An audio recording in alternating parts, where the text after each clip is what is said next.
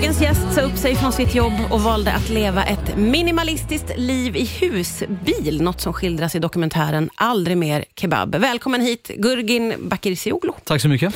Du och jag var ju kollegor på Sveriges Radio faktiskt under en tid. Och jag eh, var med, eller var med, men jag minns när du köpte din husbil. Mm. Eh, vad var det som fick dig att säga upp dig från din fasta tjänst på Sveriges Radio? Ehm, hur länge ska vi göra det här? Lagom. Det finns ingen lagom, jag är svartvit. Nej, men så här, nu, nu har jag testat det här, liksom, kommer med en klassisk invandrarberättelse, blir bättre än svenskarna på allt. Eh, nu har jag testat det, eh, gjort den där resan från ekonomisk arbetarklass och sen kanske tio år i public service, högstatusjobb, då Ja. hoppar man inte, gud vad fult det skulle vara, du har utbildat dig för den här skiten. Liksom. Mm. Ehm, men eh, drabbades av en bore-out. Ehm, ingen riktig burnout, för det var det jag trodde, men jag var så uttråkad att jag blev sjuk. Va, var det så? Mm. Och det handlade om tillvaron på ditt arbete alltså, som gjorde dig uttråkad?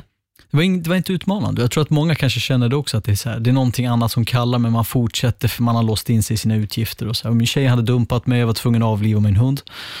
Bodde på Stockholms alla soffor i ett halvår. Ja. Jag kan ju säga att ehm, det finns vissa, de här hörnsofforna kan jag rekommendera, väldigt sköna att sova på som nydumpad. Okej. Ja, för när man gråter då kan man lägga med rumpan inåt med hörnet också. Det är ganska mysigt. Liksom. Det, det låter som att det var ganska mycket trauma som omgärdade ditt beslut. Det var fantastiskt. Eh, alltså jag skulle prata om typ post-traumatic growth. Så jag, det fanns värsta öppningen för mig att bara, okej men du är ett oskrivet blad, du behöver inte Ja. plöja på som du alltid har gjort. Och då så insåg jag så här, jag jobbar, det är ganska kul att jobba, men ah, nu sitter jag i arbetsgivarens knä, hur länge gör man det där? Sen tittar man på personen mitt emot sig på jobbet, sen bara 30 år till kanske, eh, innan man blir sjuk och så här. Men då insåg jag att här, jag jobbar för mycket för att ha råd med grejer som jag inte vill köpa eller som inte ger mig någonting och vad ska jag göra med mitt korta liv? Och det var egentligen där den riktiga eh, kraschen, som var så här fantastisk, började. Kraschen var fantastisk, Den- för att den ledde dig vidare till det liv du har idag då, får jag Ja. tolka det som. Och så köpte du en husbil. Mm. Vad var tanken med det livet? Egentligen ingen aning. Nej, du bara körde. Jag, jag var ändå hemlös, jag var bedrövlig och så, så här. Tänkte att jag kan lika gärna, jag kan göra det där som är så förbjudet, det som man alltid leker med. Då tänkte jag börja med det. Mm. Ehm, köpte den över telefon, hämtade ut den, sov typ två nätter med bara överkast i, så här, vad var det? Början på april eller någonting, det var så himla kallt. Ja, ja. Var riktigt så idiot Vad, också. tä- vad tänkte du då om dina beslut? Så full-blown ångest. Gud, det här är en så dum idé. Jag tänkte att vi testar 24 timmar till. Ja. Och sen så blev det bättre och bättre och sen efter fyra någonting år i heltid så tänkte jag det här är no way going back. Men Ja, jag bor så. deltid nu i Ja. husbil och deltid i kollektiv. Ja.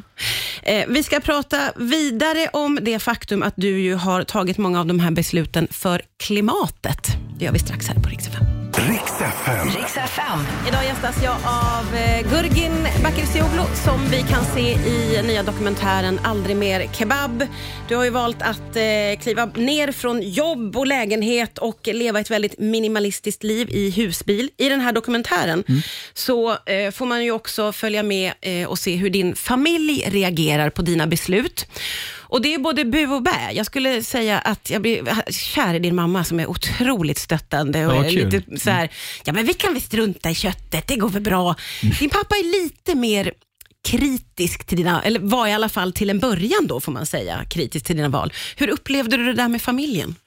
Svårt som med alla förändringar egentligen, när man går ifrån livsmallen som de har gett en. För att det, det är någonting speciellt med, och gud nu kommer jag typ alla föräldrar hata mig, men så här, det är något speciellt med föräldraskapet. För att jag är ju så fantastisk och allt jag ger mitt barn måste ju rimligtvis vara så fantastiskt. Min religion, mina värderingar. Det här skulle du väl, va, vill du inte ha de här grejerna? Ja. Det är, nog, det är nog lite konstigt med dig. Så här. Men ehm, han har ju blivit situationell tvångsvegan. Vi, har- vi firade Nowruz igår, kurdiskt nyår. Ja. Eh, då fick han en rätt som var kött och sen så sju veganska. Så Åh, det, det är det han du har får. ju kommit jättelångt får man ändå ge din pappa. Han har kommit en bit. ja. Men det, det är ju en klassisk så här, faktiskt så här, stereotyp om kvinna och man. Man, envis, så här har jag alltid gjort. Kvinna som är så här, Nej, jag förstår inte riktigt vad du gör, men eh, vad betyder det där då? Så här, Ja. Lite mer så att det finns något öppen... Man är lite mer öppen för Lite att öppen för det, vara liksom. lite stöttande. Eh, något som har fått väldigt mycket uppmärksamhet, det är ju det faktum att du bestämde dig för att inte skaffa barn Mm. på grund av eh, ditt klimattänk. Hur resonerade du kring det där? Alltså, långa svaret är att när jag började, när jag sa upp mig så förstod jag att mycket tid jag spenderar för att få pengar och sen så pengarna ger mig ingen lycka. Okej, men det är så här mycket mitt liv kostar. Vad kostar maten jag käkar? Det kostar en massa djurliv.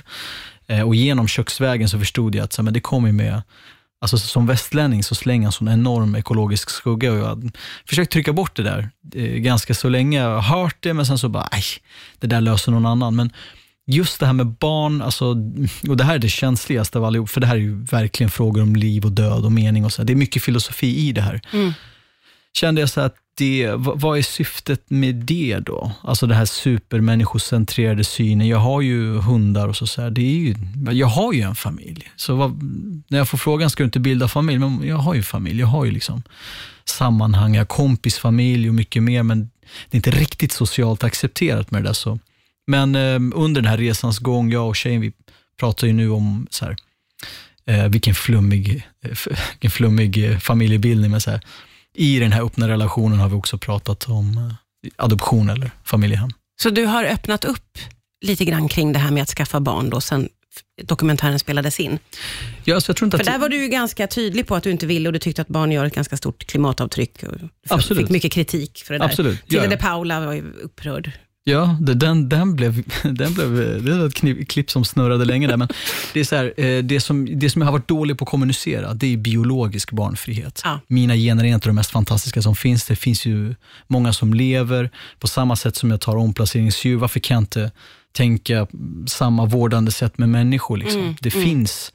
Jag tänker att de som inte finns, ehm, och det kan väl låta lite hårt, men de som inte finns saknar för mig ett värde. De som finns har ett värde. Ja, jag förstår. Och det är det vi ska liksom, Ja. jag, jag älskar livet, det är inte att jag väljer bort livet. Liksom. Nej. Vi måste prata Mm. lite grann om Ronja också, det gör vi om en liten stund här på Rix FM. Det är eh, Gurgin Bakircioglu som gästar mig idag, aktuell i dokumentären Aldrig mer kebab. Vi måste prata om Ronja, Mm. som ju har en stor del i, inte bara i dokumentären, utan i ditt liv. Eh, din hund. Berätta lite om henne. Alltså hon är ju skällig, mankhöjd, har nog kanske ett havrepaket, eh, personlighet, gorilla. Men hon är attackhund, liksom. hon är reaktiv. Många som har haft hundar som har kanske gjort en resa från rädd omplacering till något annat har ofta fått någon som är supertuff. Mm. Så hon, hon backar inte. Alltså. Hon, är, hon är som, alltså folk tror att jag är en sån riktig Adidas-krigare i orten. Det är hon som är det. Men man får ju verkligen intryck av när man tittar på den här dokumentären att hon var väldigt viktig för dig under den här tiden när du liksom bröt dig loss och inte riktigt visste vad du gjorde och du fick sova i en iskall husbil och det var inbrott på in- Det var mycket skit Mm. i början och Ronja var som en slags viktig konstant om jag uppfattade det rätt.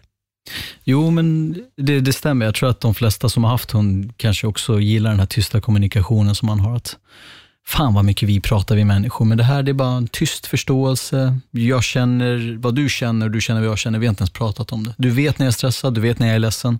Också det otroligt fina, jag vet inte om du upplevt det, alltså när man gråter, när en hund kryper upp till Ja, en. jag vet. Hundar är de bästa. Ja, Det är fantastiskt. det är helt magiskt. Verkligen. Har Ronja också blivit lite känd på köpet nu, tack vare dokumentären? Alltså hon, eh, om du visste hur många selfies hon har tagit i tunnelbanan. Ja. Jag borde bli en sån där som startar, hon syns ju mycket på, jag gör en hundpodd på min hundpodds eh, Instagram, men jag borde skapa ett eget konto för henne. Ja, bara. gud. Det är ju verkligen dags skulle jag säga. Hur ser ditt liv ut idag? Ehm, kort summerat, jag tränar sju dagar i veckan, mediterar, läser, följer nyheterna och är tillgänglig ifall att någon ringer och säger, hej vill du komma och prata på vår årsstämma?